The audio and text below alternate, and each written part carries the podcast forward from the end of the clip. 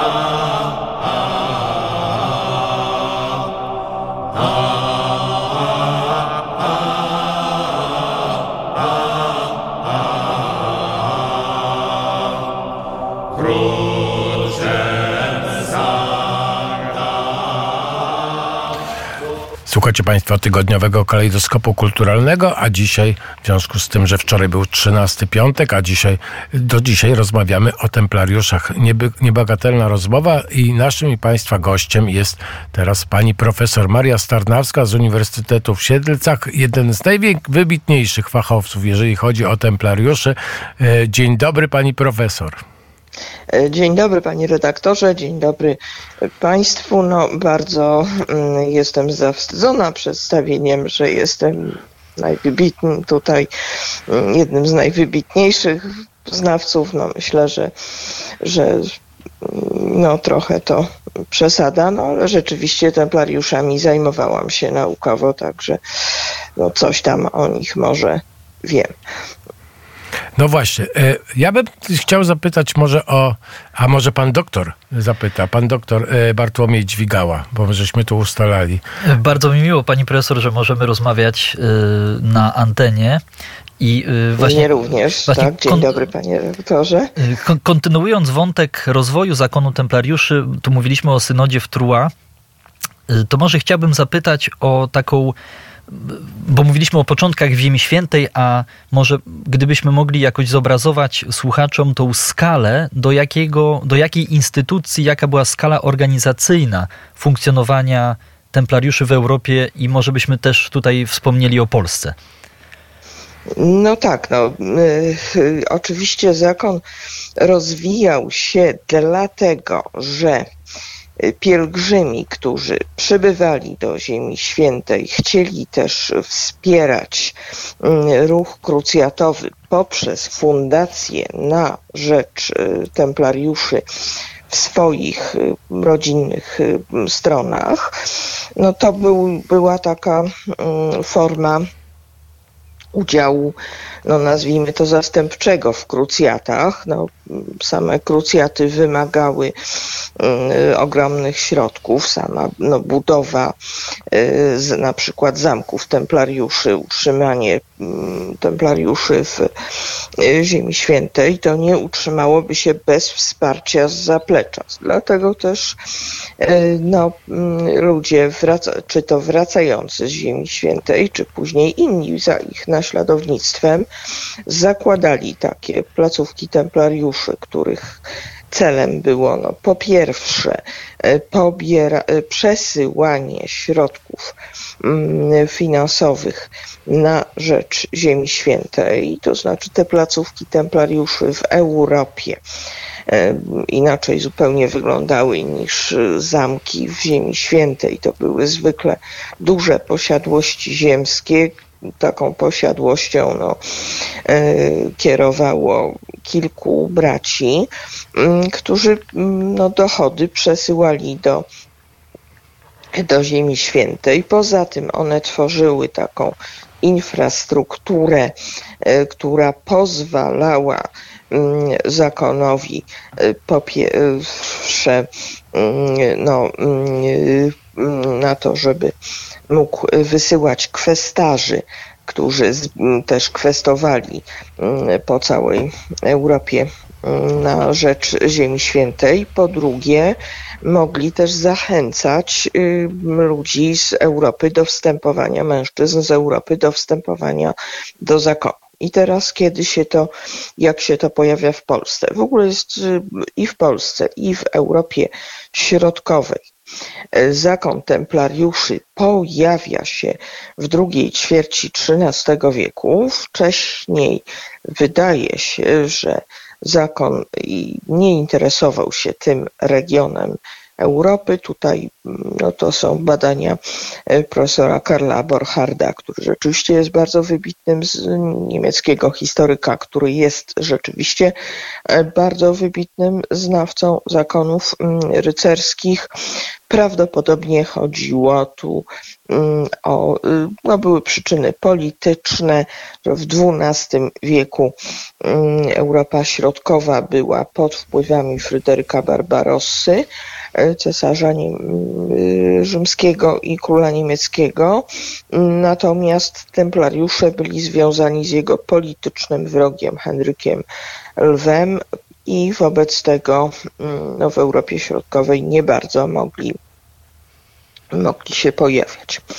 Natomiast najwyra- pojawienie się ich równoczesne w Czechach i w Polsce właśnie w tej drugiej ćwierci XIII wieku wskazuje na to, że oni no, y, jakoś uznali ekspansję na tym obszarze za pożyteczną dla nich i rzeczywiście zjawiają się w samej Polsce za sprawą trzech y, książąt, dwóch książąt piastowskich, Henryka Brodatego i Władysława Odonica oraz księcia zachodniopomorskiego Barnimano, który nie należał do y, dynastii piastowskiej, no Pomorze Zachodnie już w tym czasie nie było lennem Polski, no ale ponieważ no, jest to jednak kraina słowiańska, dzisiaj należy do y, Polski. Biskupstwo kamieńskie należało do, diece, do archidiecezji, do mm, metropolii gnieźnieńskiej,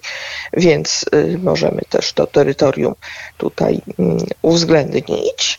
W każdym razie pojawiają się po pierwsze na Śląsku, w miejscowości y, Mała Oleśnica, to jest między Oławą i Wiązowem, w ziemi lubuskiej i tu jest, y, znaczy też ziemia lubuska była pod władzą księcia śląskiego Henryka Brodatego. Tam pojawiają się w miejscowości Leśnica. To jest część ziemi lubuskiej, która dzisiaj należy do Niemiec. Nosi nazwę ta miejscowość dzisiaj Licen. Natomiast no, dobrze zachowana jest kaplica templariuszy, później przejęta przez Joannitów. I jest tam ciekawa bardzo budowla, oprócz tej kaplicy, z tym, że ta budowla no, daw, według dawniejszych badań miała być z czasów templariuszy i później e, dzisiejsze badania wskazują, że to raczej już Joanni ci, którzy przejęli tę placówkę po templariuszach, wybudowali. E, mianowicie jest to mm, spichlerz, i to właśnie pokazuje, spichlerz no, z XIV wieku w tej chwili jest datowany na XIV wiek. Dawniej datowano go na wiek XIII i przypisywano templariuszom. No ale nawet jeśli wybudowali go Joannici, no to ta placówka nie zmieniła swojego mm, charakteru.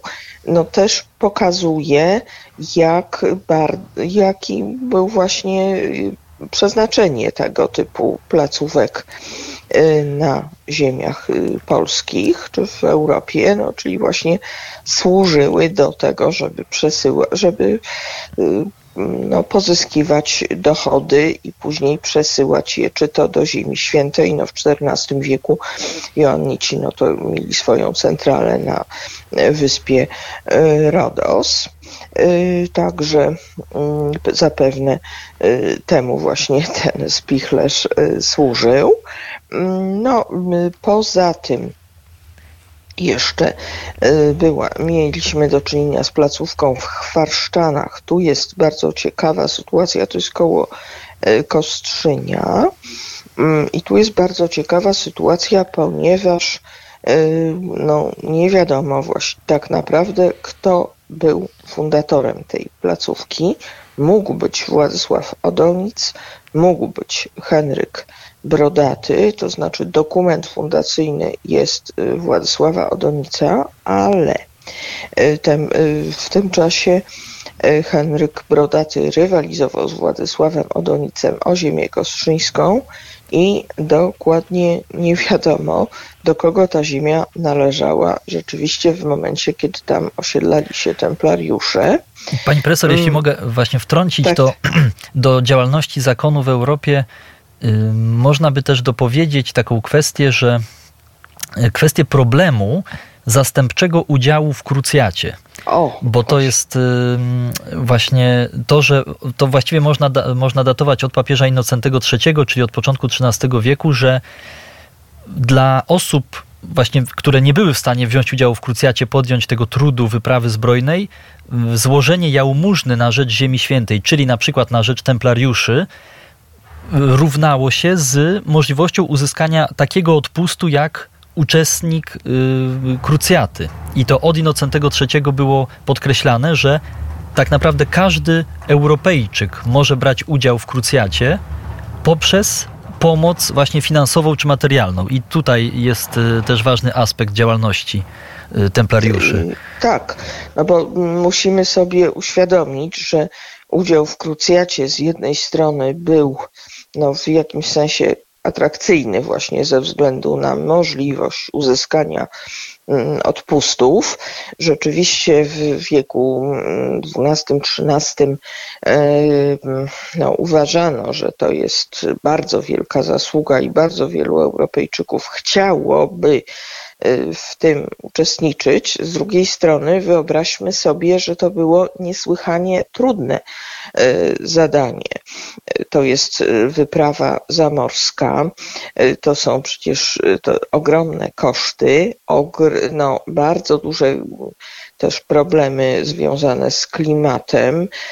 Jeśli no, ktoś ze słuchaczy no, był na wycieczce, czy to w Izraelu, w Turcji, w Egipcie, zdaje sobie z tego sprawę, jak, jak różny jest tam klimat. No a przecież krzyżowcy nie podróżowali klimatyzowanymi autokarami, nie mieli klimatyzowanych hoteli.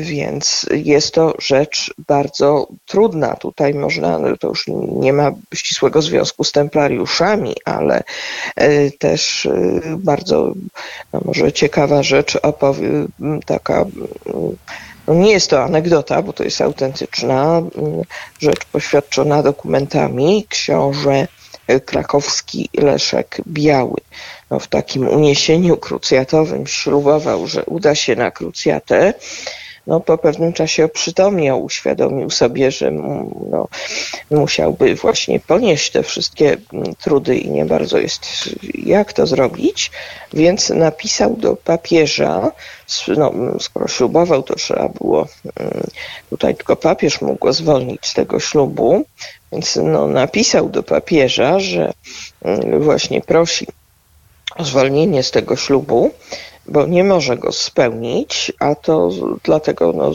że są bardzo poważne powody, bo on y, sam jest za gruby, żeby jechać na taką wyprawę, a poza tym on sam i jego armia nie mogą żyć bez piwa i miodu, a tych trunków nie ma w Ziemi Świętej, e, więc no, no nie mogą, że tego ślubowania spełnić.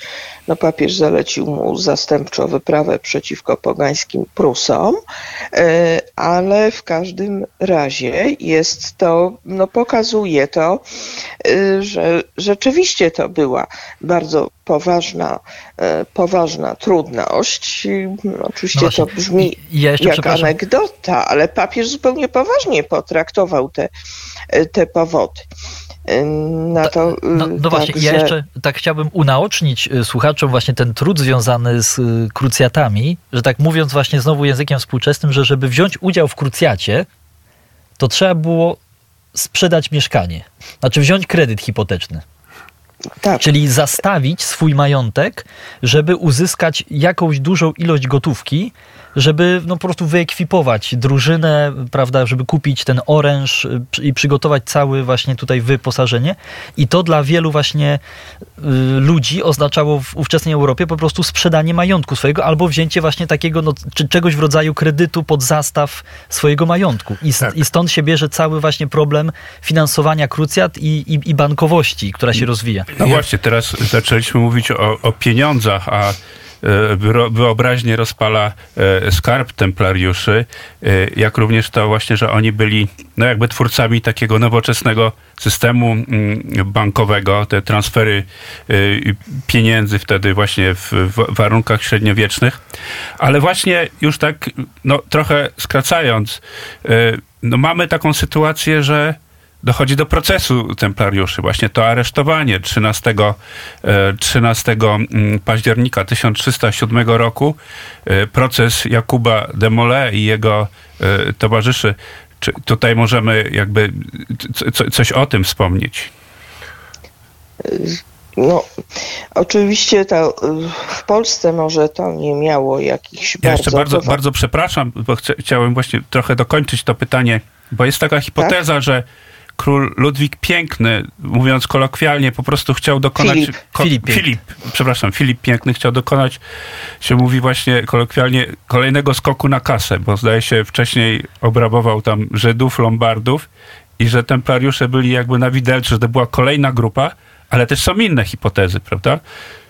Y, No, to znaczy, ja myślę, że to jest złożona sprawa. Y, To znaczy, kwestia skoku na kasę to oczywiście też.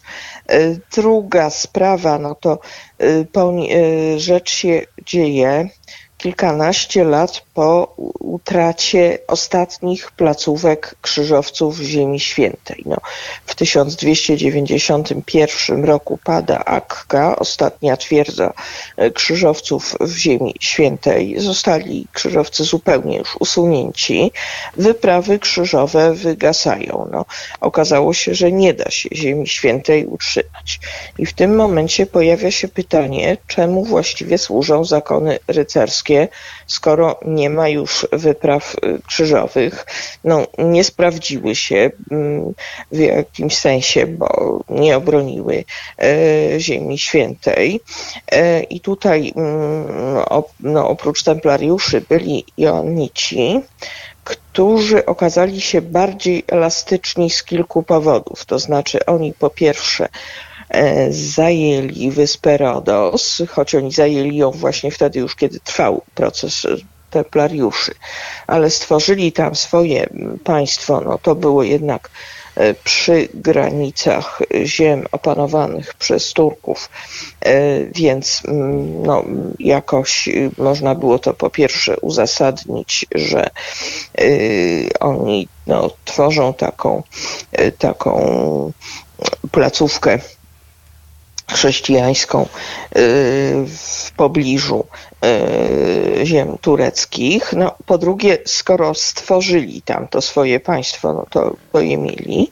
Natomiast w Europie ich placówki poszły, znalazły sobie inne zadania, to znaczy, ponieważ Joannici rozwinęli się z bractwa szpitalnego, czyli takiego, które się opiekowało pielgrzymami e, w Ziemi Świętej, bo szpital średniowieczny to nie jest miejsce, gdzie się człowiek idzie leczyć, tylko to jest przytułek e, dla, albo dla ubogich, albo hospicjum dla pielgrzymów.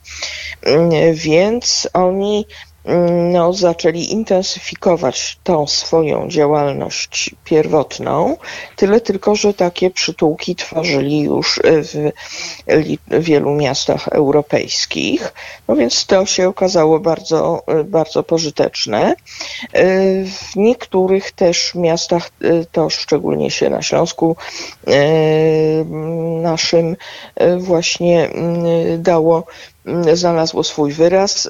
Przekształcili się po prostu w swoje te domy, w placówki kapłańskie tam i e, prowadzili duszpasterstwo.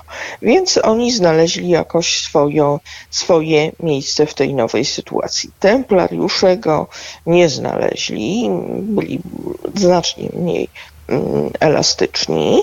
E, To jedna e, sprawa y, właśnie no, zderzyli się z Filipem Pięknym, który prowadził bardzo centralistyczną y, politykę. Po pierwsze, no, potrzebował pieniędzy, tu jest już y, wymienił pan redaktor te, te jego działania służące pozyskaniu środków, ale mm, to nie była tylko taka zwykła pazerność. On zbudował y, y, scentralizowaną mm, władzę w Królestwie Francji. Dążył do wzmocnienia władzy królewskiej. Y, y, wśród tych jego licznych działań należy jeszcze wymienić bardzo bezwzględny y, konflikt y, z papieżem Bonifacym y, VIII. No tutaj jego prawnicy y, aresztowali papieża, wręcz jego y, prawnik Wilhelm Nogares spoliczkował papieża w miasteczku Anani we Włoszech. Papieża uwięziono. No co prawda ludność miejscowa oburzona papieża uwolniła, ale papież z powodu y, tego mm, tego upokorzenia, którego doznał, y, zmarł bardzo szybko. No a następni papieże już rezydowali y, we Francji. Y, Byli wybierani pod wpływem, znaczy Filip Piękny tutaj wywierał no, pewne mm, naciski poprzez swoich no, poprzez kardynałów francuskiego pochodzenia na, na konklawę, więc y, mamy do czynienia po prostu z władcą no, z jednej strony bezwzględnym, y, z drugiej strony y, no, w tym szaleństwie jest metoda. On po prostu dążył do wzmocnienia władzy królewskiej i mm, templariusze z jego punktu widzenia widocznie, znaczy y, postrzegał tak templariuszy jako organizację, która w jakimś sensie rozsadza mu tą jedność Królestwa y, Francji. Po, no, podlegają y, papieżowi, właściwie nie wiadomo czym się zajmują. No, są jakąś taką organizacją no, mocno podejrzaną, y, dobrze finansowaną, do, dobrze, no, bogatą, więc po prostu tr- utraktował też ich jako taki czynnik mm, no, rozsadzający jedność y, państwa.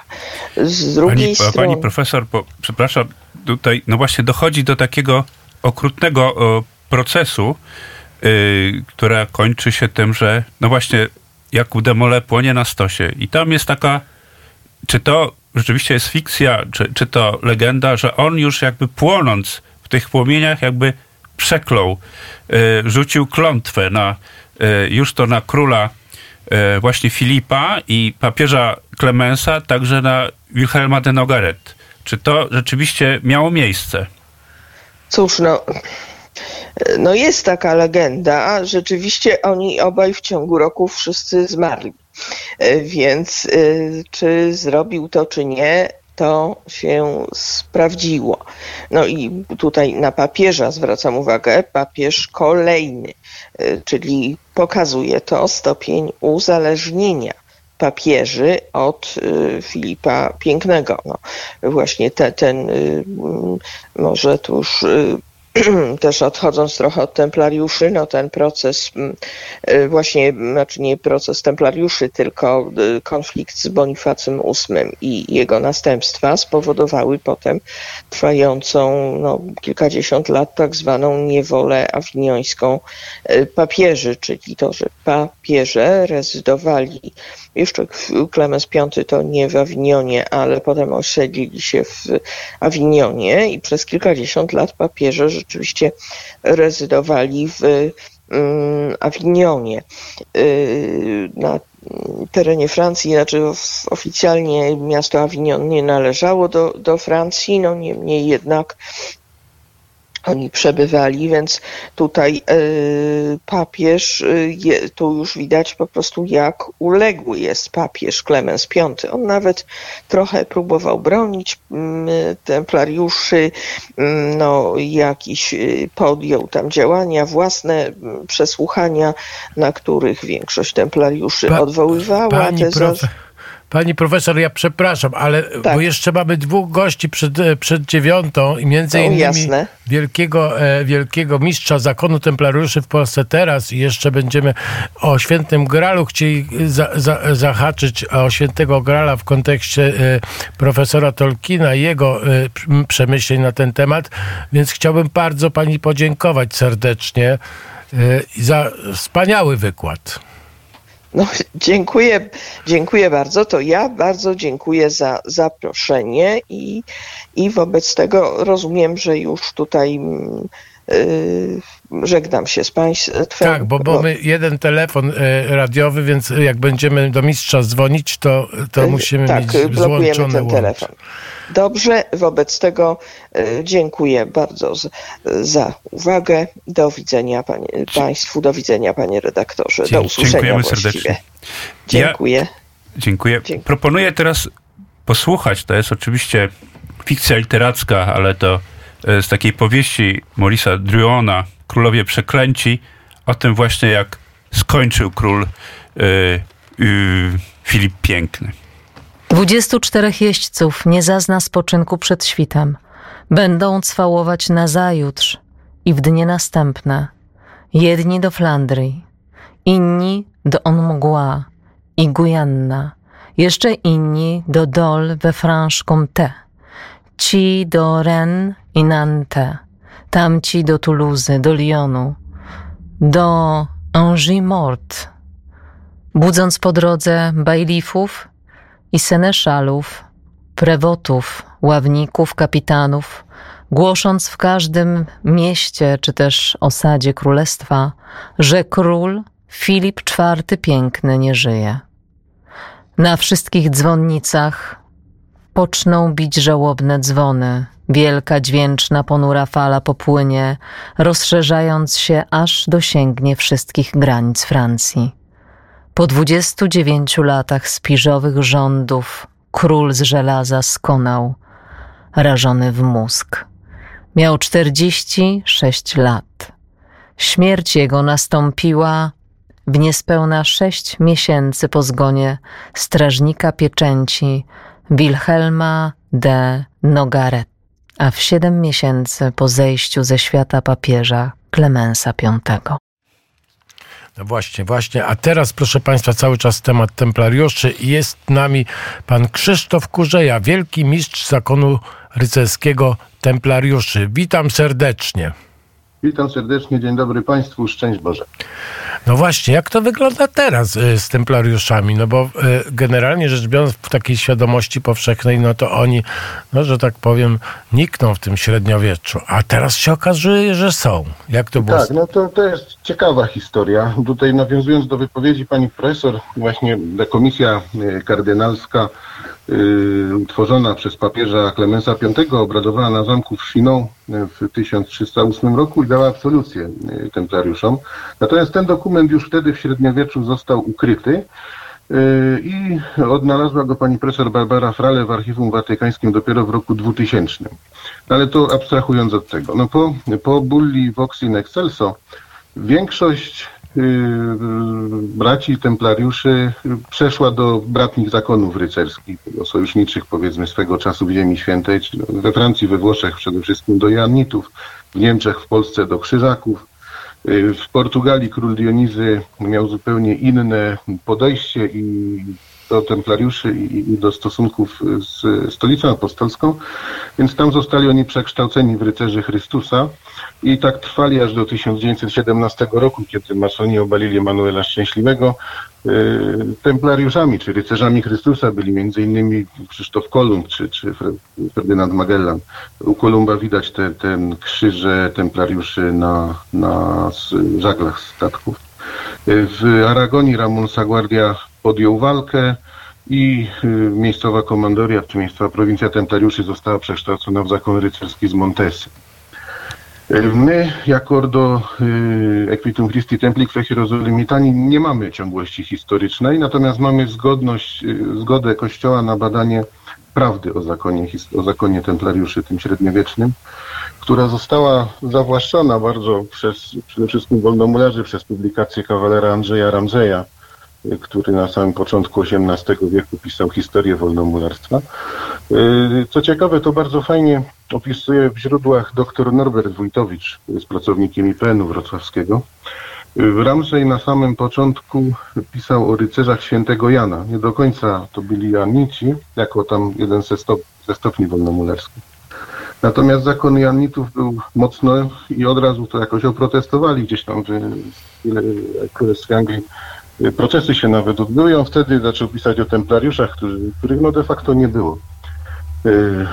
No, przynajmniej w Anglii, bo zakon w 1704 roku Filip Orleański y, podczas kongresu w Wersalu odtworzyli zakon templariuszy jako zakon dworski i tak funkcjonował do rewolucji francuskiej. Później po rewolucji znowuż przeszedł bardziej do Portugalii, po II wojnie światowej, czy po wybuchu II wojny światowej częściowo do Belgii. No takie, takie historie były.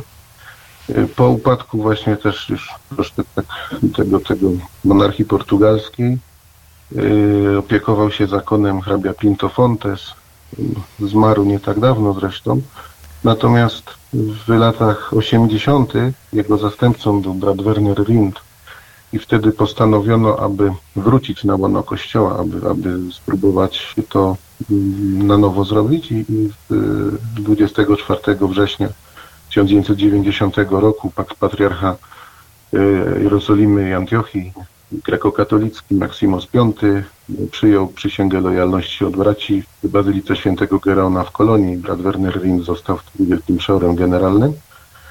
Brat Rind zmarł dwa lata temu i wtedy kapituła mnie powierzyła funkcję wielkiego przeora generalnego, a patriarcha Józef Apsi, obecny patriarcha Antiochii i Jerozolimy, 17 czerwca 2022 roku przywrócił tytuł wielkiego mistrza.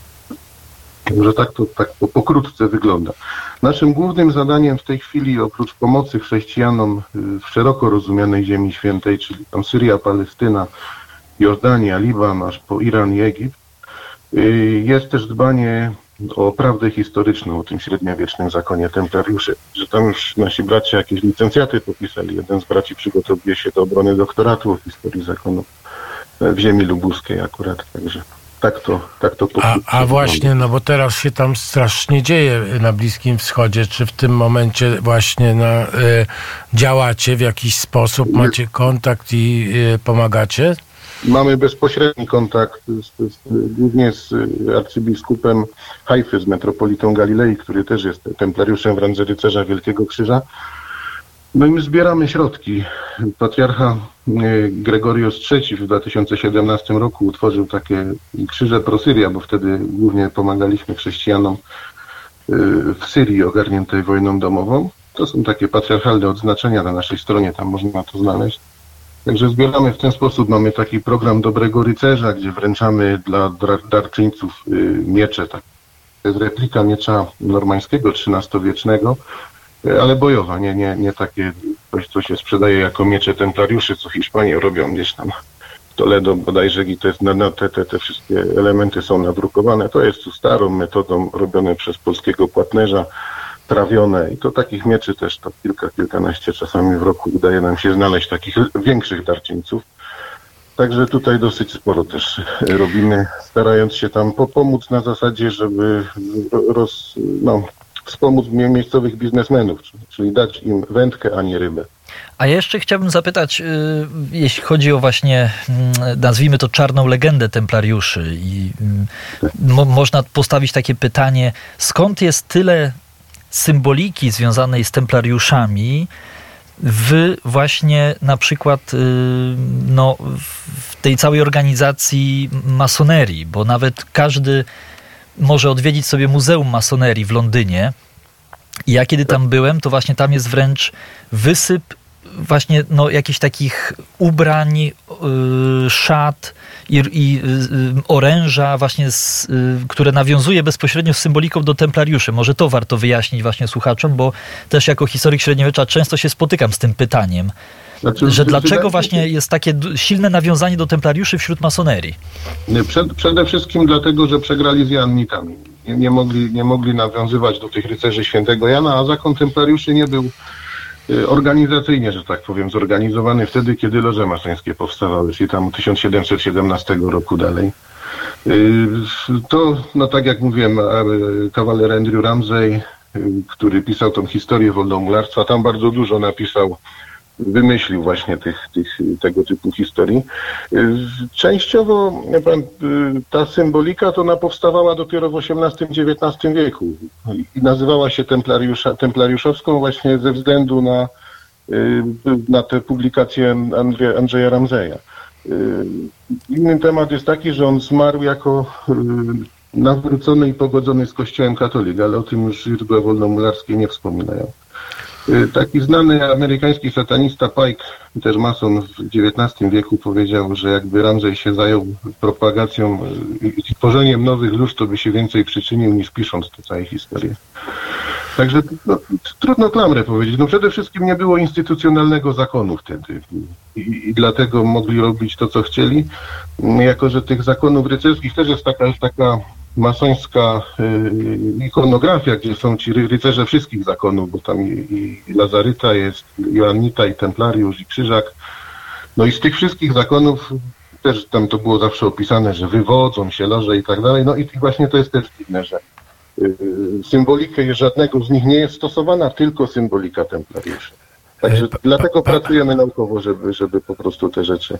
Panie y, Krzysztof. To y, bardzo y, ważny głos, bardzo dziękujemy. Już musimy powoli kończyć. E, dziękuję bardzo.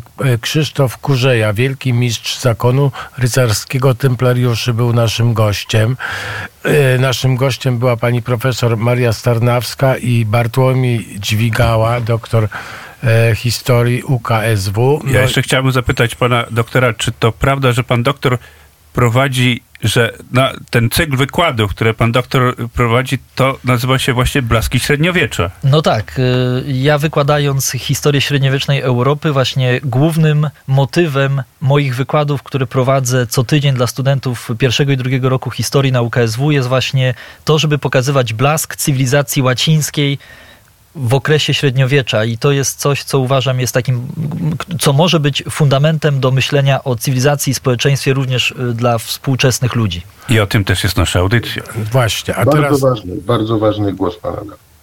Dziękuję bardzo. Teraz musimy już puścić piosenkę i reklamy, a chciałem przypomnieć, że tutaj rycerzem bardzo ważnym jest Mikołajus e, e, nasz kochany tutaj siedzi za sterami i walczy tutaj o to, żeby czas, czas nie został, że tak powiem, rozciągnięty za bardzo. W związku z tym teraz zespół The National Deep End. To trochę ten tytuł, e, proszę Państwa, nawiązuje do, tym, o tym, do tego, o czym opowiadaliśmy, e, a te za później wiadomości, a później będziemy rozmawiać o Tycjanie z profesorem Miziołkiem, ponieważ Tycjan się pojawił na Zamku Królewskim w Warszawie. 14 października, proszę Państwa, dzień przed wyborami, ale my mamy tutaj wybory kulturalne i właśnie, właśnie na Zamku Królewskim pojawił się, proszę Państwa, pojawił się obraz Tycjana z 1515 roku. No i w związku z tym od razu dzwonimy do Rzymu. Pan profesor Jerzy Miziołek, e, z którym rozmawialiśmy o, o, kiedyś o Tycjanie, no ale trzeba do niego wrócić, skoro się na zamku e, pojawił. Dzień dobry, panie profesorze. Dzień dobry panu, witam bardzo serdecznie wszystkich y, słuchaczy Radia Wnet i mam nadzieję, że wyjątkowo także za tydzień się pojawimy, żebym państwu opowiedział o wystawie, którą otworzymy kopernikańskiej tu w Rzymie y, na Forum Romanum w Curia Julia. Więc to tylko zapowiedź. Natomiast teraz przechodząc do Tycjana, ja niestety nie widziałem tego obrazu, uczciwie się przyznam. Nie widziałem też drugiego obrazu Tycjana, który trafił do Polski na Wawel, ale znam oczywiście materię, znam te obrazy, mm, przyglądałem im się na razie póki co na reprodukcjach, ale żeby być osobą, która jest odpowiedzialna za to, co mówi, to za to zaproponowałem, może dodajmy to od razu, żeby drugą część naszej rozmowy poświęcić obrazowi, który widziałem, który jest prezentowany w Murzach Kapitolińskich i to jest jedno z arcy, arcydzieł Tintoretta, e, e, Opłakiwanie Chrystusa. Ale wracamy do Tycjana. No rzeczywiście w przypadku Tycjana mamy do czynienia z artystą, który dokonał rzeczywiście e, jakby swoistego przełomu w sztuce malowania. Uczeń Giorgione i innych jeszcze artystów, takich jak e, Bellini, było ich kilku, Gentile i Giovanni, notabene po śmierci Giovannego, Giovanniego Belliniego w roku 1516 Tycjan stanie się oficjalnym e, manarzem Republiki Weneckiej. To, to było po prostu, to była wielka, wielka naprawdę, jakby to powiedzieć, pozycja i misja. No i jest, jest kwestia początków jego twórczości. My niestety nie znamy daty narodzin Tycjana. Mówi się, że to jest rok 1485, no więc wtedy ten rok y, podawany przy tym portrecie mu przypisywanym, rok 1515, to byłby czas y, gdzieś no 30-letniego człowieka. Mnie się wydaje, ja nie jestem, uczciwie się przyznam, zawsze mnie bardziej interesowała ikonografia i treści ideowe, e, ta, te, żeby z Tycjanem naprawdę się mm, rozprawić w sensie, w cudzysłowie, rozprawić, e, jeśli chodzi o formę jego e, rozwoju, jego, jego, jego obrazów, to nie będę się na to oczywiście porywał, ale jest w tym obrazie, w tym niewielkim obrazku, przypomnijmy, to jest obraz, który ma 30 na 40 centymetrów, Jest to portret, który przy tych wszystkich portretach, które potem Tycjan namaluje i kobiet, i mężczyzn. No dla przykładu w Londynie jest w Galerii Narodowej e, mężczyzna z e, rękawiczką, taką charakterystyczną rękawiczką, która pokazuje elegancję świata. E, Ktoś to ma rękawiczki, wtedy to weszło w modę. To oczywiście ten obraz jest skromny, ale jest ciekawy, jest fascynujący w tym sensie, że oto widzimy e, po prostu rzeczywiście wzlot ku temu, co potem będzie genialną częścią twórczości Tycjana, malarstwo portretowe. No więc e, jeśli ten obraz uda się zakupić, on oczywiście nie będzie stanowił jakiegoś, jakby to powiedzieć, e, wielkiego halo w świecie znajomości dzieł Tycjana i jego arcydzieł, ale jest dziełem ważnym w tym sensie. Jeśli to jest rzeczywiście dzieło, e, w, a, a tak wygląda, na dzieło Tycjana będzie istotny, bo będzie pokazywał drogę twórczą człowieka, który y, rozpoczyna po prostu no, lot ku wielkości. Mnie się wydaje, y, patrząc na ten obraz i na inne portrety, że on musi być wcześniejszy, że to nie 1515, tylko 1510, może nawet trochę wcześniej. W 1515 roku, przypomnijmy, że Tycjan maluje swoje absolutne arcydzieło wczesnego okresu. To jest ta miłość niebiańska i miłość ziemska. Te dwie wspaniałe kobiety, z których jedna jest prawie zupełnie naga i to jest ta miłość niebiańska, bo miłość niebiańska nie ma nic do ukrycia. To nie jest, e, jakby to powiedzieć, erotyzm ciała, tylko piękno ciała. I druga kobieta, która siedzi po drugiej stronie tej takiej, no właśnie świetnej kompozycji z puttem, który jakby, no, zagląda do studni i tam szuka jakiegoś odbicia nieba być może. Ten obraz ma niesłychaną historię. Ja oczywiście nie chcę w nią dzisiaj wchodzić, bo, bo- ja- bo ja- mamy ja- mówić ja- o portrecie. Ja mamy mówić o odeślę, portrecie. ja odeślę słuchaczy do naszej audycji, bo dużo było o Tycjanie, była cała audycja, jest na, A, na, tak. na, na podcaście, więc jakby ktoś był zainteresowany, to bardzo, bo my mieliśmy już audycję o Tycjanie kiedyś, natomiast no teraz y, pojawił się Tycjan w Warszawie, więc chciałem wrócić do tej postaci i też skierować do podcastu o Tycjanie, która, która jest na, na stronie. Może słuchaczom powiedzmy tyle, że my dość często robimy taki ogólny ogląd twórczości do tego obrazu właśnie miłość niebiańska i miłość ziemska, zwłaszcza, że na Wawelu został, na Wawel został zakupiony obraz, który też jest obrazem alegorycznym, może nie tak głęboko alegorycznym jak ta miłość niebiańska i mi- miłość ziemska, ale do przynajmniej tego obrazu Tycjana, który wisi w Galerii Borghese we, mm, w, w, Rzymie, ob, do obrazu dużego, to jest duży obraz, o którym Lansko, Karol Lanskoroński przepięknie pisze w 1400 1875 roku wrócimy, ale teraz jeszcze może na chwilę wróćmy do tych polskich właśnie Tycjanów, no bo my nie mieliśmy tak naprawdę mm, pewnych Tycjanów e, w, polskiej, w polskich galeriach i pojawienia się szansy na zakupienie tego portretu, portretu, który został ostatnio m, na konferencji, ja niestety nie mogłem na niej być, E, Żałowa, żałuję bardzo, bo, bo tą wystawę, o której Państwu opowiemy szczegółowo, już mówiliśmy, ale opowiemy szczegółowiej w przyszłą sobotę, więc byłem zajęty. Natomiast to, że Bernard Aikema, wybitny naprawdę znawca, znawca malarstwa weneckiego, był w Warszawie, że przyjechały też dwie inne osoby z tego Komitetu Tycjanowskiego, że pochyliły się nad tym niewielkim obrazkiem, który no, jest, jak powiedzieliśmy, no, ten młodzieniec ukazany w trzech czwartych z wąsikiem takim dwudziestolatka. To jest, to jest młody człowiek, który rzeczywiście ma e, w sobie ten wymiar tej przyszłej, wspaniałej, kolorystycznej i formalnej e, jakby wypowiedzi Tycjana, która zdumiewa za każdym razem. Jest to może nie jest arcydzieło, ale to jest dzieło interesujące, ciekawe, pokazujące jak bardzo Wenecja, kraj wtedy powiedzmy bogaty, to nie jest tylko kwestia tego kawałka sk- skrawka świata, na, tych, na tej lagunie. To jest cała terraferma. Pamiętajmy, Wenecja sięgała po Bergamo. Wenecja miała całą prawie znaczną część dzisiejszej Chorwacji, Kretę, wyspę Rodos. To się zmieniało, bo walczyli z Turkami, ale to było potężne, bogate państwo. No i ci właśnie y, y, wspaniali Wenecjanie, nie tylko dożowie, których malował Tycjan, a potem Tintoretto, ale ci bogaci kupcy, ci bogacy urzędnicy weneccy, no po prostu no, uwielbiali być portretowani. No i to jest jeden z tych portretów wczesnych. Szkoda tylko, że ciągle archiwalnie mało uchwytny. Może się pojawiło coś nowego, ja o tym nie wiem. Jedno jest pewne.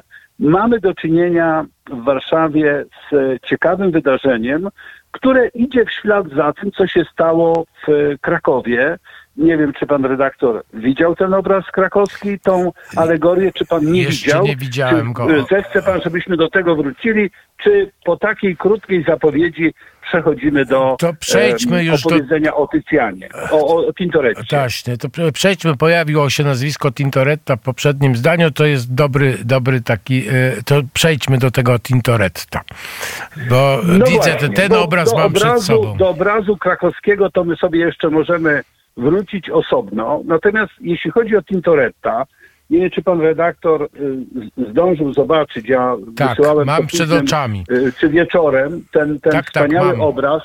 Przypomnijmy w skrócie, Tintoretto, który nosi imię od ojca farbiarza. Ojciec był tylko farbiarzem i tylko, że tak powiem, farbował rozmaite płótna. Pamiętajmy, że w epoce renesansu ta sublimacja ubiorów, kolorów, to co u Tycjana potem jest i czym Wenecja zdobędzie świat, świat tym soczystym kolorem, wielorakim i co Tycjan tak wspaniale przeniesie w świat swoich obrazów, ale i Tintoretto. Otóż jako po Tintoretto, który tak naprawdę nazywał się Robusti, czyli był prawdopodobnie, no nie wiem, no nazwisko mówi, że był silny, jaki on był, nie wiemy. Wiemy natomiast o nim bardzo dużo. Wiemy, gdzie jest pochowany, w kościele Santa Maria dell'Orto, gdzie są jego obrazy. Wiemy, że malował ogromne cykle obrazów, jakby choćby do tego wspaniałe, tej wspaniałej Scuola di San Rocco, która jest koło ko- kościoła Santa Maria Gloriosa dei Frari, gdzie są też piękne obrazy Tycjana. Jest tam 56 obrazów Tintoretta. A więc mamy do czynienia z człowiekiem, który tak naprawdę po śmierci Tycjana wyrasta na y, najważniejszą postać w, w Wenecji. Jest autorem ogromnej ilości płócien. I tak jak o Tycjanie, bo ludzie, y, czy słuchacze nasi też pewnie lubią coś wiedzieć o charakterach ludzi, Tycjan nie był osobą najsympatyczniejszą, wszystko wskazuje ze źródeł pisanych.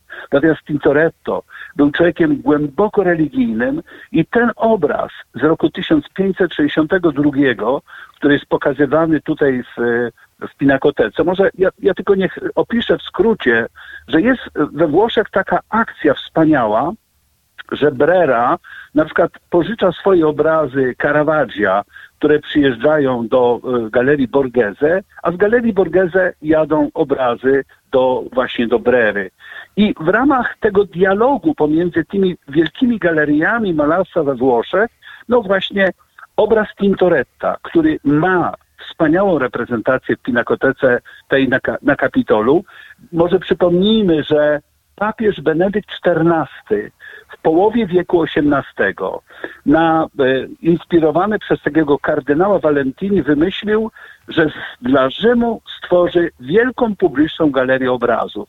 Ta galeria obrazów powstała, je, zostały zakupione zbiory z kilku e, kolekcji prywatnych i między innymi wśród tych zbiorów jest Dosso Dossi, wspaniały, ferraryjski malarz, którego my mamy, no, Jowisz malują, Jowisza malującego motyle i kupiono również obrazy Tintoretta, które na przykład jest e, e, szereg obrazów religijnych, przepięknych i w kontekście tych obrazów pokazano ogra, czy pokazywany jest obraz. Jak Państwo byście byli w Rzymie, proszę pamiętać, że będzie nie tylko właśnie na Forum Romanum Kuria Julia y, y, właśnie piękna wystawa poświęcona y, Kopernikowi, ale właśnie w muzeach kapitolińskich w Pinakotece, która jest na drugim piętrze obok muzeów kapitolińskich, jest obraz który zdumiewa formą artystyczną. To jest ten Tintoretto dojrzały, to jest, powiedziałem, rok 1562. On zaczyna swoją karierę, ten wielki lot ku sławie w latach 40., na przełomie lat 30. i 40. I wtedy powstają te wczesne obrazy, bardzo piękne, malowane między innymi do Pałacu Dożów, więc proszę zwrócić uwagę, jak bardzo ceniono Tintoretta, skoro dostawał zamówienia od Republiki Weneckiej i w, nie wchodźmy już w, termin, w okresy czy dokładne daty, ale przecież choćby z czasem Tintoretto namaluje przecież ten wielki Paradiso, ogromny obraz w, w, w, w Pałacu Dożów. Wracając do naszego obrazu, na czym polega fenomen tego płótna? Dlaczego to płótno, wielkie płótno, gdzieś 2,5 metra na, na 3 metry, przywieziono do Rzymu? Otóż mamy przed sobą e, prawdziwy, autentyczny dramat religijny. Dramat religijny Tintoretta, który nie maluje jeszcze tak jak potem będzie malował te wydłużone, świetliste postacie, tylko to jest Tintoretto, który maluje w duchu klasycznego renesansu. Jesteśmy już wprawdzie w drugiej połowie XVI wieku, ale jak popatrzymy na piękne, piękne, ale martwe ciało Chrystusa, na którego Tintoretto położył taki niezwykle ciekawy cień. Jest jakby maska założona na twarz Chrystusa, szczególnie na oczy. I widzimy cztery, pięć postaci. Pięć. Jest e, Józef z Arymatei, jest Maria Magdalena, która rozrzuca ręce w rozpaczy. Jest jeszcze jedna z Marii, która podtrzymuje Matkę Boską. Matka Boska, która ewidentnie w pierwotnym e, jakby ujęciu, gdyby Tycjan nie namalował, to byłaby pieta prawdziwa, to znaczy jest Chrystus, martwy Chrystus, jest ułożony na jej kolanach, ona przejęta tym wielkim bólem, po prostu omdlewa i się odchyla do tyłu, jest podtrzymywana, natomiast ta relacja, Chrystus odgięty w jedną stronę, jego to piękne, ale martwe ciało i ta przepiękna Matka Boska, która jest ukazana jakby na skosie i te dwie, trzy pozostałe postacie, o których wspomniałem, w tle drabina, bo przecież to ciało Chrystusa dopiero zdjęto, jest to niezwykły, piękny obraz, który oczywiście należałoby oglądać w pewnie Wielkim Tygodniu bardziej niż może teraz, ale w, jak powiedziałem, w towarzystwie tego obrazu, który emanuje tą, jakby to powiedzieć, klasyczną formą e, operowania ciałem, bo jak potem, jak mówiliśmy, potem to ciało zostanie uwysmuklone, wydłużone e, i na tym tintoretcie późnym wyrośnie El Greco i stworzy obrazy takie jak ten, który mamy w Siernicach. A więc przed nami w muzeach kapitolińskich arcydzieło Tintoretta, które jest piękne kolorystycznie, które w, o, ukazuje rodzaj rzeczywiście takiego pogłębionego dramatu religijnego, w którym zostały wykorzystane wszystkie możliwe aspekty właśnie jakby operowania ludzkim bólem. Ktoś podtrzymuje ciało, jest skupiony na tym. Maria Magdalena, która tylko jest ukazana w akcie rozpaczy, nie podtrzymuje ciała.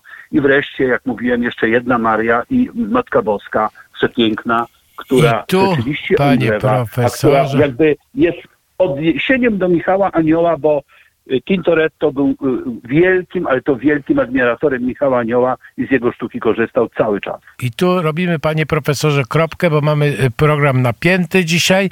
Słyszymy, Rozumiem. słyszymy się za tydzień. E, Ale wtedy dajmy sobie pełne pół godziny, jeśli mogę Możemy prosić, i się bo umówić na- zapewniam Państwa, na ja cz- nawet wyślę Panie, Panie Konradzie, wyślę Panu, wyszła pierwsza publikacja poświęcona wystawie kopernikańskiej, już kończę, przepiękna zupełnie. Mam nadzieję, że uda nam się szybko wydrukować też polską wersję i że będziemy w Radio Wnet także ofiarowywali naszym wiernym słuchaczom. E, Bardzo, bardzo dziękuję panie profesorze. Teraz posłuchamy e, jeszcze fragmentu Ensemble Orgarum, e, nawiązując do, e, e, do naszych kochanych templariuszy. I łączymy się, proszę państwa, łączymy się z panią Agnieszką Lesiuk, która opowie o rozdaniu bohateronów, bo to też ważna rzecz. No w kulturze się mnóstwo dzieje, mnóstwo dzieje, więc teraz chwila muzyki templariuszy, a po chwili e, dzwonimy do e, pani Agnieszki Lasiuk, a później będziemy rozmawiać o festiwalu Rymkiewiczowskim, więc napięty program. Dziękuję panie profesorze jeszcze raz. Kłaniam się. Pozdrawiam wszystkich Państwa bardzo, bardzo, bardzo serdecznie. Państwa tygodniowego kalejdoskopu kulturalnego, a naszym gościem jest teraz pani Iza Michalska. Festiwal Rynkiewiczoski rozpoczyna się niedługo. Pani jest spirytusem mowensem tej, te, tego festiwalu. No to fantastyczna rzecz. Przypominam Państwu, to jest jeden z poetów, jeden z nielicznych poetów, który został za e, kilka zdań skazany e, wyrokiem sądu kiedyś. E, Wspaniały poeta, no i, no i pisarz też, no cudowne książki o Słowackim, o Żmut, na przykład o Mickiewiczu, no genialne książki i trzeba go przypominać. Jeszcze niedawno był z nami. Witam Panią bardzo serdecznie. Dzień dobry panu, dzień dobry państwu. No i właśnie, jak, jak, y, jak z tym festiwalem, jak kiedy się zaczyna, jaki jest program, jak się trzeba przygotować, co należy przeczytać przedtem, żeby jeszcze głębiej, że tak powiem, się y, wczuć w tą wspaniałą poezję i w tą wspaniałą prozę. Yy, przyznam, że my już nie możemy się sami doczekać, kiedy ten e, festiwal zaczniemy realizować. Yy, w tym tygodniu była konferencja prasowa, zaprosiliśmy współtwórców festiwalu. E, I w zasadzie zaczęliśmy już e, debaty i rozmowy festiwalowe, na które nie było, nie było czasu, także e, widać, że to wszystko jest żywe i czeka na spotkanie z Państwem, bo ten festiwal jest dla Państwa i chcieliśmy mm, stworzyć takie formuły, które jak najbardziej Państwa będą angażować. E, czyli nie tylko spotkania i gadające głowy ex katedra, ale też warsztaty na przykład. E, i, spo, I takie żywe spotkania, bo chcemy z Państwem chcemy z Państwem rozmawiać. E, Nie bez powodu festiwal odbywa się między 2 a 10 listopada. Chyba wszyscy zgodzimy się, że wtedy się na chwilę zatrzymujemy przy święcie zmarłych. Ono nas też wprowadza w inny, inny stan, w inny nastrój, e, pobudza do refleksji. Nie wiem, jak będzie z pogodą, bo zwykle te mgły też temu sprzyjają. W tym roku lato się nie chce skończyć. E, I w tym czasie podejmujemy temat bezpośrednio związany też z tym jednym z najważniejszych chyba dla nas Polaków świętem. W tym roku będzie to temat śmierci. E, Jest to jeden z głównych wątków poruszanych przez Rymkiewicza w jego twórczości. Tych wątków jest bardzo wiele. My też mieliśmy tutaj takie wyzwanie, e, żeby Państwu jeden z nich zaproponować w pierwszej edycji festiwalu. Sięgnęliśmy do tradycji romantyzmu, do której najczęściej odwoływał się Rymkiewicz.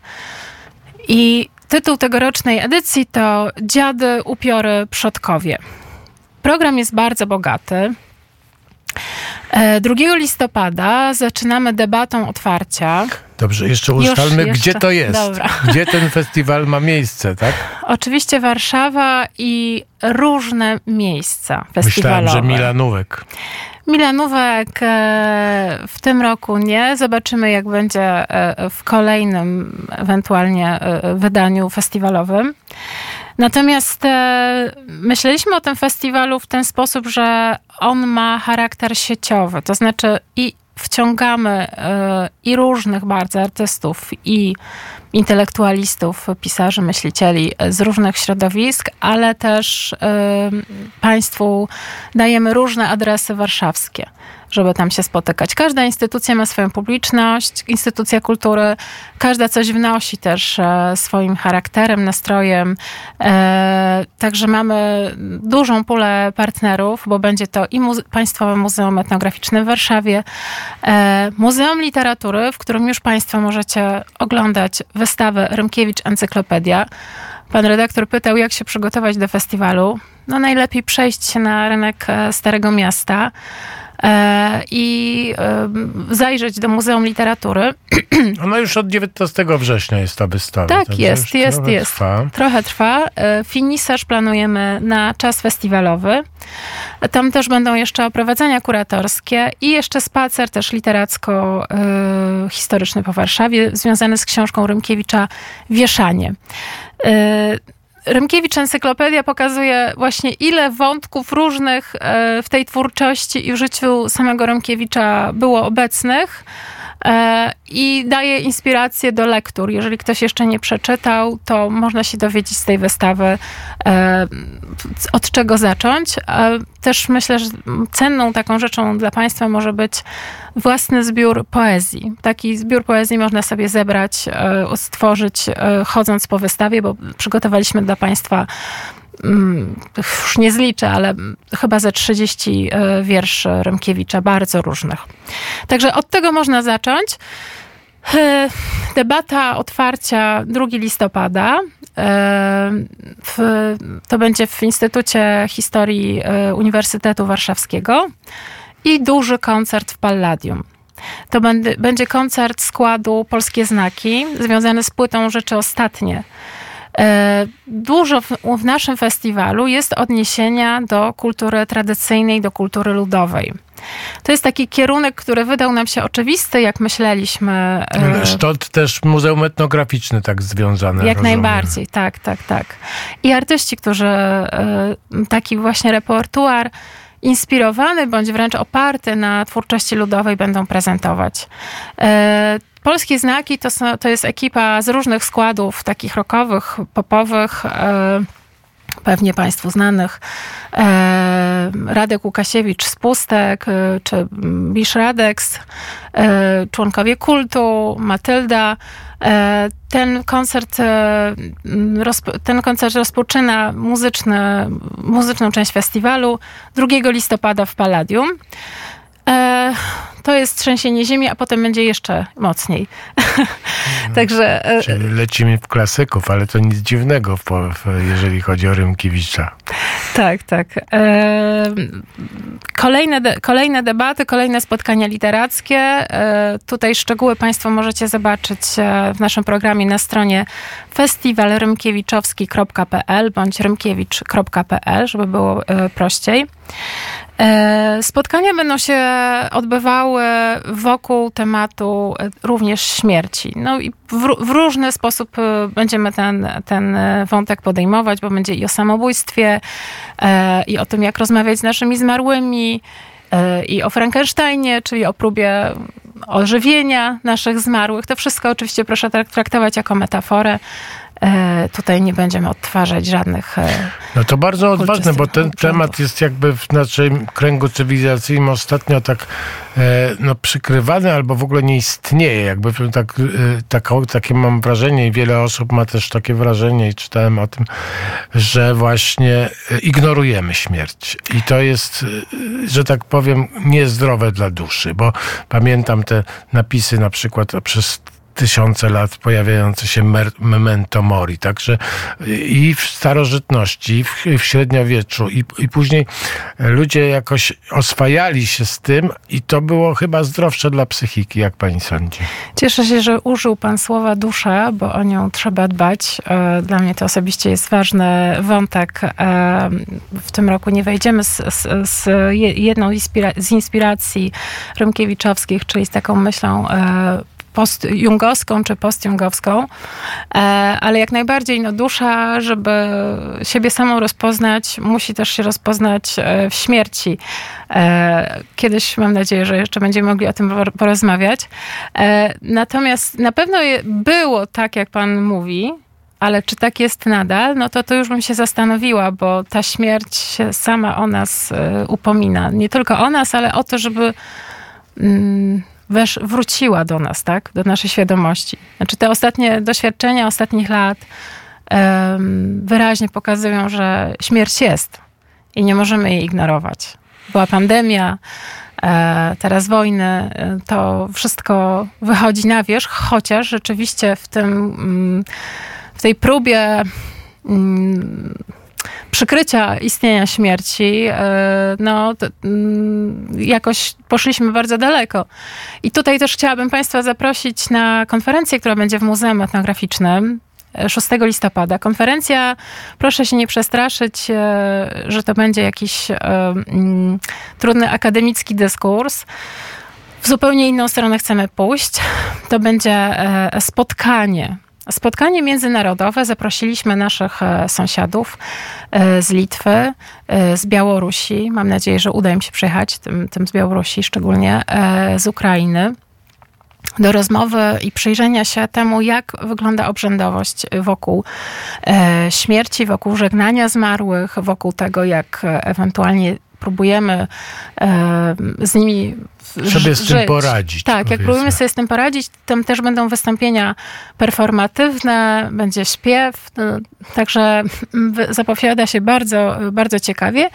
I ta konferencja 6 listopada w Muzeum Etnograficznym, Etnograficznym jest dla wszystkich Państwa otwarta i też ma to być wymiana. Chcemy zobaczyć, czy w, właśnie w dobie takiej hospitalizacji, mechanicyzacji, kiedy nam się tą y, śmierć y, zabiera, y, tak naprawdę, tak, bo zabiera nam się i naszych bliskich, którzy umierają, bo jest od razu cały ciąg tego, jak się umiera i potem co się staje, co się dzieje z ciałem. Jakby my nie mamy E, już możliwości w tym e, być po prostu. Nie mamy często e, szansy towarzyszyć naszym bliskim w umieraniu, bo szpital wszystko zabiera, potem kostnica, potem zakład pogrzebowy, no są procedury, nie możemy prochów też sami mieć. Jakby to wszystko zostało przesunięte na instytucje, tak?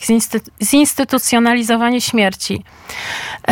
I pomyśleliśmy, że być może kultura ludowa, tradycyjna, która też oczywiście już jest pod, pod dużym wpływem i globalizacji, i e, mediów, e, to, to wszystko też zostaje przechwytywane przez, przez taką współczesność, może nie najciekawszą, że właśnie kultura tradycyjna, to też w cudzysłów oczywiście biorę, e, w tym e, w tym jednym temacie zachowuje jakąś e, jeszcze źródłowość, jakąś prawdę, jakąś autentyczność. I chcemy, chcemy to zbadać też i przeżyć jakoś. No i właśnie, jest świetna strona, bo to już no, nie podejmiemy wszystkich wątków, ale jest świetna strona, Festiwal Rymkiewiczowski, tam można się wszystkiego dowiedzieć dokładnie, terminy, co, jak, warsztaty śpiewacze, warsztaty filozoficzne. No nie, nie rozwiniemy tych wątków, no bo nam, y, że tak powiem, nie mamy czasu z gumy, ale y, bardzo polecamy ten festiwal. My będziemy jeszcze na, na antenie Radia Wnet przypominać dokładnie, no to już bardzo niedługo, bo, bo, bo, bo właściwie dwa, dwa tygodnie, trzeba się sobie w kalendarzach już czas, ale będziemy przypominać o tym, bo żeby nie umknęło, bo to ważna, ważny poeta, bardzo ważny poeta Jarosław Maria Rymkiewicz. No i niedawno byłem zresztą w Milanówku i tam sobie chodziłem tymi, e, tymi e, drogami, którymi on podążał i widziałem te gawrony. E, także no to naprawdę warta rzecz uwagi i bardzo polecam Państwu ten festiwal. No i jeszcze będziemy o nim przypominać, a opowiadała o tym festiwalu pani Iza Michalska. Bardzo, bardzo pani dziękuję. E, no i życzę e, miłego weekendu. Dziękuję bardzo. Będzie trudny, to wiem, ale no nie możemy tutaj rozwijać tego wątku, bo jest cisza. Tak. Tak jest. A teraz posłuchamy Davida Bowie i za chwilę jeszcze porozmawiamy e, o bohateronach, bo właśnie bohateroni to właśnie e, był e, teraz rozdani bohaterowie byli, no i właśnie porozmawiamy. No i się zaplątałem, ale dziękuję bardzo, Dawid Bowie. Słuchacie Państwo tygodniowego kalejdoskopu kulturalnego. No właśnie, odkładana przez y, kilka razy ta rozmowa była dzisiaj, była cały czas, ale pani Agnieszka Lesiuk była tak miła i y, cały czas tutaj była z nami y, sercem i duszą, a będziemy rozmawiać o bohateronach. witam panią bardzo serdecznie. Witam serdecznie, dzień dobry. No właśnie, y, i gala była przedwczoraj, tak? Y, tak. Odbyła się wielka gala, piąta gala, tak? Bohateronów to już? E, piąta gala Bohateronów e, jako nagrody, a ósma projektu Bohateron Włącz Historię, gala finałowa. Także e, Bohateron to, to nie tylko nagroda, to dużo więcej działań, które już prowadzimy prawie 10 lat. No wiem, a y, y, 22 osoby, y, firmy, instytucje i organizacje zostały uhonorowane. To może zacznijmy od tych największych y, splendorów, od, naj, od, od, od nagrodzonych w tym roku. W tym roku oczywiście nagradzaliśmy jak zawsze w siedmiu e, kategoriach. Organizacja pozarządowa, nauczyciel, pasjonat, e, firma, instytucja, dziennikarz. E, oczywiście co roku też są takie sytuacje, że nie tylko mm, kapituła przydziela bohaterony, ponieważ e, kapituła przydziela brązowe, srebrne i złote, ale jeszcze są bohaterony publiczności. Mamy laureatów, którzy zdobyli po dwie statuetki, jak na przykład pani Ziętkiewicz z telewizji Polsat, e, złoty bohateron kapituły, ale też bohateron e, publiczności. Mamy tu przekrój oczywiście różnych działań. Nagradzamy od dwóch lat nie tylko za opowiadanie historii Polski XX wieku, ale też e, nagradzamy działania, które wcielają w życie ideały pokolenia powstańców warszawskich za pomoc, za wsparcie, za ważne akcje społeczne. Ale może przechodząc e, konkretnie do laureatów e, nagrody, to w kategorii instytucja mm, Muzeum Dom, Dom Rodziny Pileckich. E, Laureat zarówno bohaterona publiczności, jak i srebrnego bohaterona kapituły. Zachęcam też gorąco do tego, żeby śledzić działania naszych laureatów, ponieważ warto jest zobaczyć i na żywo przede wszystkim doświadczyć tych wszystkich działań, za które są nagradzani. Dlatego zapraszam e, do muzeum, do Ostrowi. Mm, Jeśli chodzi o Złotego Bohaterona w kategorii instytucja, to tutaj mamy Instytut Pamięci Narodowej. E, Jak wszyscy wiemy, Instytut e, prowadzi szerokie działania edukacyjne, komunikacyjne związane z historią Polski.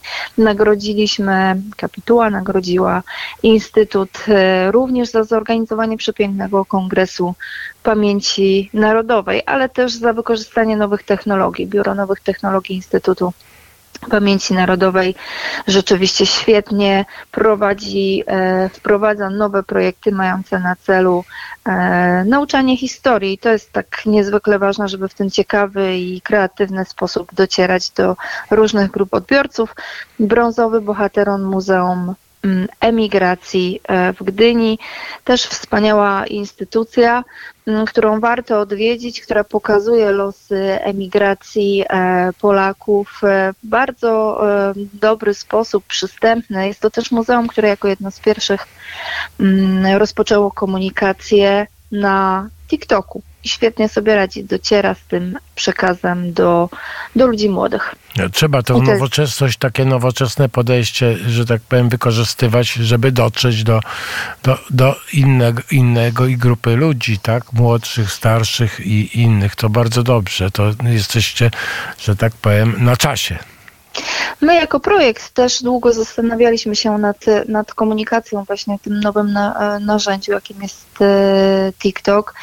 Czy taki temat e, jak nasz, czyli promowanie historii polskiej, opowiadanie przede wszystkim powstania warszawskiego nadaje się do takiego kanału i okazało się, że, że tak, że to był strzał w dziesiątkę, te, ponieważ przez lata prowadzenia działań edukacyjnych w szkołach, a to już blisko 10 lat, dzieci, które brały udział w naszych zajęciach, one tam są, one są w tych portalach społecznościowych i widzimy, kiedy dodajemy różnego rodzaju treści, komentarze, e, takie jak pisaliśmy do tego pana kartkę, e, mieliśmy e, na zajęciach, e, na lekcjach historii mm, e, przekazywane treści odnośnie e, bohaterów, których publikujemy właśnie, e, właśnie w tych mediach, więc jak najbardziej opowiadanie historii różnymi kanałami jest wskazane, ponieważ docieramy do, e, do różnych grup.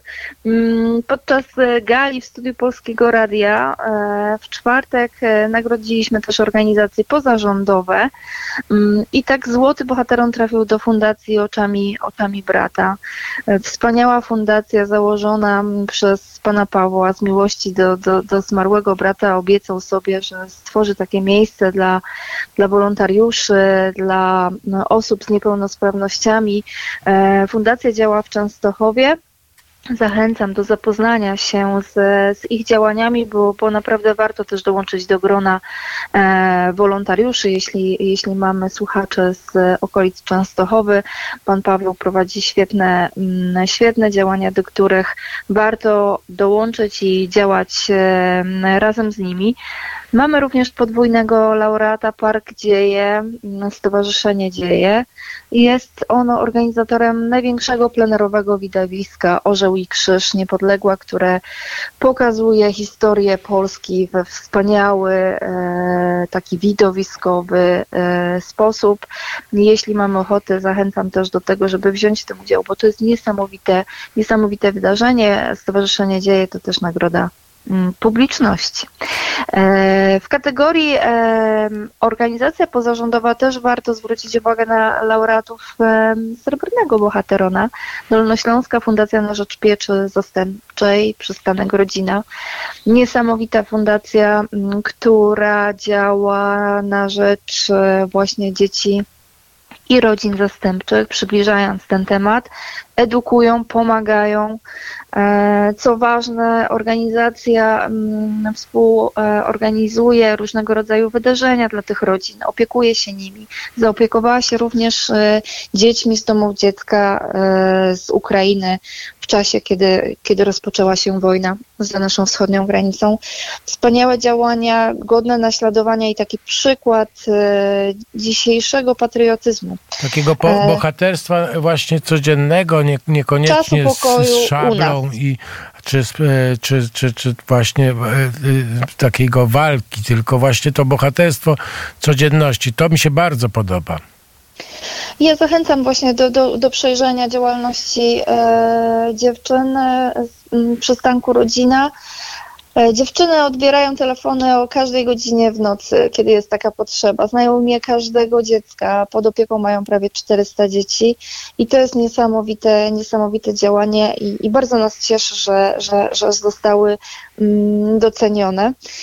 W Bohateronach mamy też kategorię firma mm, i tutaj y, mamy PWPW, PGE, za wspieranie działań mających na celu opowiadanie historii polskiej, opiekę nad zabytkami. Mamy też historię bez cenzury, Mówi Box, popularny kanał w mediach społecznościowych, który ma miliony odwiedzeń, wyświetleń. Twórcy tego kanału w taki niesztampowy sposób opowiadają o różnego rodzaju wydarzeniach z historii Polski i świata docierają do różnych grup, mają niesamowite zasięgi, robią to konsekwentnie od wielu lat i prowadzą działalność gospodarczą z tym związaną. I, i to jest też niesamowite, że można w rzetelny, konkretny, e, prawdziwy sposób e, trafiać do różnych grup odbiorców i jeszcze prowadzić w tym zakresie działalność e, no. gospodarczą. Wszystkich wątków nie podejmiemy, ale jeszcze ja Właśnie. Chcia, chciałbym podjąć, o, o, odsyłamy w ogóle do strony waszej, bo tam można wszystko... Wszystko można by czytać się, i się na dowiedzieć. Facebooku i Instagramie. Ale jeszcze chciałbym na koniec jeden, jedną, bo kategoria pasjonat i Bogdan Bednarczyk to piękna postać. Tak, piękna postać. Jestem przeszczęśliwa, że pan Bogdan został doceniony złotym bohateronem. Wybitna postać, znana w środowisku, prekursor działań rekonstruktorskich, jeśli chodzi o powstanie warszawskie, dyrektor Muzeum Pamięci Powstania Warszawskiego i zachęcam gorąco Państwa, jeśli będziecie w Warszawie, można się umówić z panem Bogdanem, który w przepiękny sposób opowie o wszystkich zgromadzonych przez Towarzyszenie Grupy Radosław i przez pana Bogdana mm, pamiątkach po powstańcach, powstaniu, które jest zgromadzone właśnie w tym wyjątkowym miejscu. Wspaniała postać, cieszę się, że tak się, tak się stało, że kapituła doceniła te działania i to jest też taka kategoria, w której jest zawsze najwięcej zgłoszeń. Pasjonat i nauczyciel to jest największa liczba zgłoszeń. Dla nas jako zespołu Bohateron, który jest komitetem organizacyjnym nagrody, to jest jedno z najtrudniejszych działań w projekcie. Z tych blisko 300 zgłoszeń wybrać po pięciu nominowanych w każdej, każdej kategorii to jest nie lada wyzwanie. My w tym roku również po raz piąty przyznaliśmy nagrodę specjalną Nagroda specjalna w tym roku trafiła do profesora Szwagrzyka. E, wybitna postać. E, pan profesor, e, jak Państwo wiecie, odzyskuje dla nas wszystkich bohaterów, prowadząc między innymi swoją działalność na łączce. Jak powiedział podczas gali, jeszcze jest wiele do zrobienia. Jeszcze czekamy na odnalezienie wielkich bohaterów i zorganizowanie im godnego pochówku i, i dbanie o ich pamięć. Wyjątkowe wydarzenie. Wydarzeniu towarzyszył też wyjątkowy koncert. Wspaniali artyści. Przenieśliśmy się do lat 20., 30. E, koncert wyjątkowy z tego powodu, że to piosenki wybrali sami powstańcy warszawscy. E, I to było niesamowite. Widzieliśmy tę radość, e, wspólne śpiewanie na sali razem z artystami i to nas niezmiernie cieszy jako organizatorów, jak widzimy radość naszych bohaterów, bo te wszystkie działania przez te wiele lat, ta ciężka praca jest właśnie dla nich i ten wieczór, kiedy możemy spędzić go razem i, i pokazać, jak bardzo są dla nas ważni, jest dla nas to niezwykle wyjątkowe. Rozumiem, że te ostatnie dni to były napięte i mało spania było, ale teraz już, już teraz można trochę odpocząć. Czy pani już troszeczkę ma chwilę oddechu? Po finale, po finałowej gali jest zawsze miesiąc jeszcze na zamknięcie spraw organizacyjnych, ale bohaterom to, to, to nie tylko gala i trzy miesiące, w których nas tak najwięcej widać, to działania całoroczne. My pracujemy cały czas, e, wciąż e, pracujemy nad akcją edukacyjną w szkołach. Bohaterom w Twojej szkole można się jeszcze zgłaszać. Jeśli słuchają nas nauczyciele, zachęcam gorąco. Mamy wspaniałe materiały dla czterech grup wiekowych. Wszelkie informacje są na stronie bohateron.pl i bohateron w Twojej szkole.pl. W ubiegłym roku blisko 2 miliony uczniów wzięło udział w e, naszych zajęciach. Tych szkół w tym roku roku jest już ponad 6 tysięcy. Czekamy na kolejne e, zgłoszenia, także my działamy cały rok. E, dzisiaj najważniejszym obszarem dla nas, który się nie kończy e, po gali finałowej jest pomoc naszym bohaterom. My jesteśmy nie tylko, mm, myślę, że mogę tak nieskromnie powiedzieć, największą kampanią edukacyjną z zakresu mm, edukacji historyczno-patriotycznej, ale też e, z zakresu pomocy powstańcom warszawskim. Opiekujemy się naszymi bohaterami cały rok i, i ta pomoc się nie kończy. E, Pani Agnieszko, już musimy kończyć. bo już pojawił się tutaj w, e, w redakcji Paweł Bobołowicz, który za chwilę wejdzie na, na antenę z programem wschodnim. Bardzo Pani dziękuję. Ja dziękuję również. I e, odsyłamy do strony.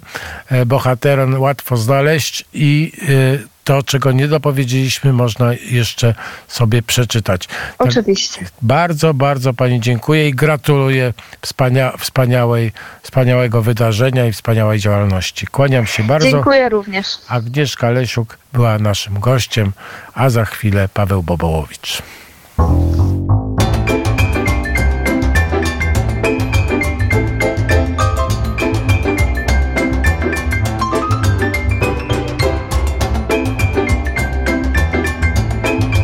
Tygodniowy kalejdoskop kulturalny. Audycja Konrada Mędrzeckiego.